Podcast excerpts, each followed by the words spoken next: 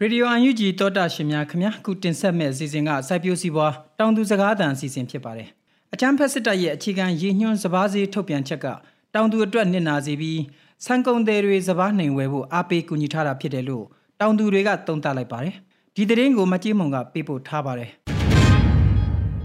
အကျန်းဖက်စစ်တပ်ကလက်ရှိမိုးစပားနဲ့လာမယ့်နှွေစပားရာသီအတွက်အခြေခံရည်ညွှန်းစပားစည်းကိုထုတ်ပြန်လိုက်ပြီး အဆိုတ14ရာခိုင်နှုန်းရှိတဲ့6တွေ့ပြီးအပြင်းအမော်ဖုံသဲဂဲကင်းစင်တဲ့စပားတရားကိုကြက်9သိန်းခွဲတတ်မှတ်လိုက်တာဖြစ်ပါတယ်။တောင်သူတွေရဲ့ထုတ်လုပ်မှုကုန်ကျစရိတ်နဲ့လက်တလောစပားဝယ်တိုင်းတွေကနေစပားစည်းတတ်မှတ်တဲ့အခြေအနေတွေရစစ်တပ်ရဲ့ထုတ်ပြန်ချက်ကတောင်သူတွေကိုနစ်နာစေတယ်လို့တာယာဝတီခရိုင်တွင်းကစပားစိုက်ပျိုးသူတောင်သူကအခုလိုပြောပါတယ်။ တောင်သူတွေကတော့နစ်နာတာပေါ့သူတို့တတ်မှတ်တာကြီးကတဘာဝမှမကြတော့ဘူးအစုံမ14နဲ့46ပေါင်ကို9သိန်းခွဲဆိုတော့ညီစရာကြီးပြင်တယ်သူကသူရေးညညညာချက်မှာတော့အဲ့ဒီဈေးတဲ့အနေကိုအနေဆုံးထားဝယ်မှာအဲ့ဒီဈေးတဲ့အပေါ်မှာဝယ်တာတော့ဝယ်ဝယ်ဆိုတဲ့သဘောမျိုးဆိုင်တယ်ဒါပေမဲ့သူတို့တတ်မှတ်တာကြီးကမဖြစ်နိုင်တဲ့ဈေးကြီးကိုဘယ်တော့မှဘာမှအကျိုးမရှိဘူးဘယ်တော့မှအကျိုးမရှိဘူးဝယ်ယူတဲ့ဆန်ဆက်ပိုင်တွေကုန်တယ်တွေဖိနေမှုအတွက်ကိုအတားဖြစ်သွားတယ်ကျွန်တော်တို့လည်းမအတွက်ကတော့ဖိလိုက်ကြစရာပဲဒီညာချက်ကဈေးကွက်မှာစပားပေါက်ဈေးက6 9သိန်းခွဲအောက်ရောက်လာလို့ရောင်းချဖို့အခက်အခဲရှိလာရင် တောင်သူတွေကဆန်စပါးအသင်းကျုံနဲ့အသင်းခွဲများကိုဆက်သွယ်နိုင်တယ်လို့ထုတ်ပြန်ချက်မှာရေးသားထားပါတယ်။လက်တလောပဲခူးရီကြီးနစ်မြုပ်မှုမှာ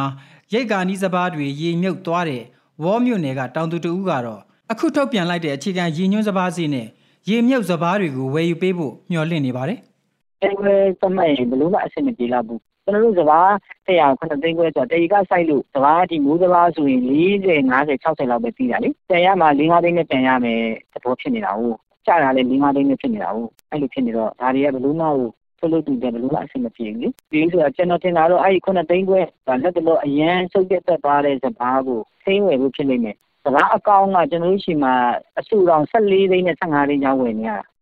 စဘာတအေကကုန်ကြစရိတ်ကဆန်စဘာအသင်းချုပ်ကထုတ်ပြန်ထားတာထက်ပိုပြီးကုန်ကျနေပါတယ်ဒါကြောင့်တောင်သူလယ်သမားတွေအတွက်ထိုက်တဲ့အကျိုးများရရှိဖို့ကစဘာတင်းတရာရဲ့အခြေခံရည်ညွှန်းစဘာစီကအနည်းဆုံးကျပ် 15သိန်းသတ်မှတ်တင်တယ်လို့စိုက်ပျိုးရေးကျွမ်းကျင်သူတူကသုံးသပ်ပါတယ်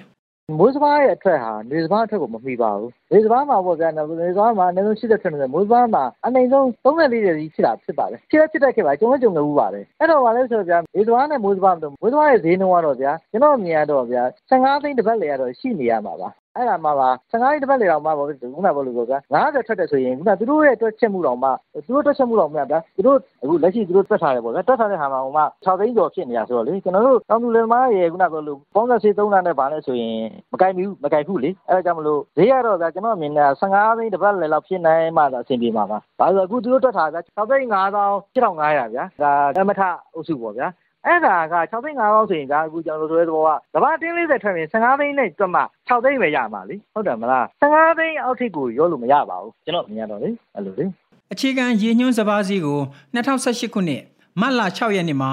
NLD ပြည်သူ့အစိုးရကတမိုင်းဝင်စတင်သတ်မှတ်ခဲ့တာဖြစ်ပါတယ်အဲ့ဒီတုန်းကရည်ညွှန်းစည်းအောက်စပါးစည်းတွေကျလာရင်အစိုးရကဝယ်ယူပေးဖို့အရန်ငွေကြေးတွေပြင်ဆင်ထားခဲ့ပြီးတောင်သူကိုစိတ်တမကြအောင်ကူညီပေးဖို့ရည်ရွယ်ထုတ်ပြန်ခဲ့တာဖြစ်ပါတယ်။ အကြမ်းဖက်စစ်တပ်ကတော့လိုအပ်နေတဲ့ဒေါ်လာငွေကြေးရရှိဖို့တောင်သူမျက်နှာကိုမထောက်ထားဘဲဆန်ကုန်သည်တွေရဲ့အလိုကျစပားစည်းတွေကိုတတ်မှတ်ပြဋ္ဌာန်းနေတာဖြစ်တယ်လို့တောင်သူတွေကသုံးသပ်ပြောဆိုနေကြပါတယ်။အခုတင်ဆက်ပေးခဲ့တဲ့မြေပြင်သတင်းအကြောင်းအရာတွေကိုရေဒီယိုအန်ယူဂျီသတင်းတောက်မတ်ကြီးမွန်ကပေးပို့ထားတာဖြစ်ပါတယ်ခင်ဗျာ။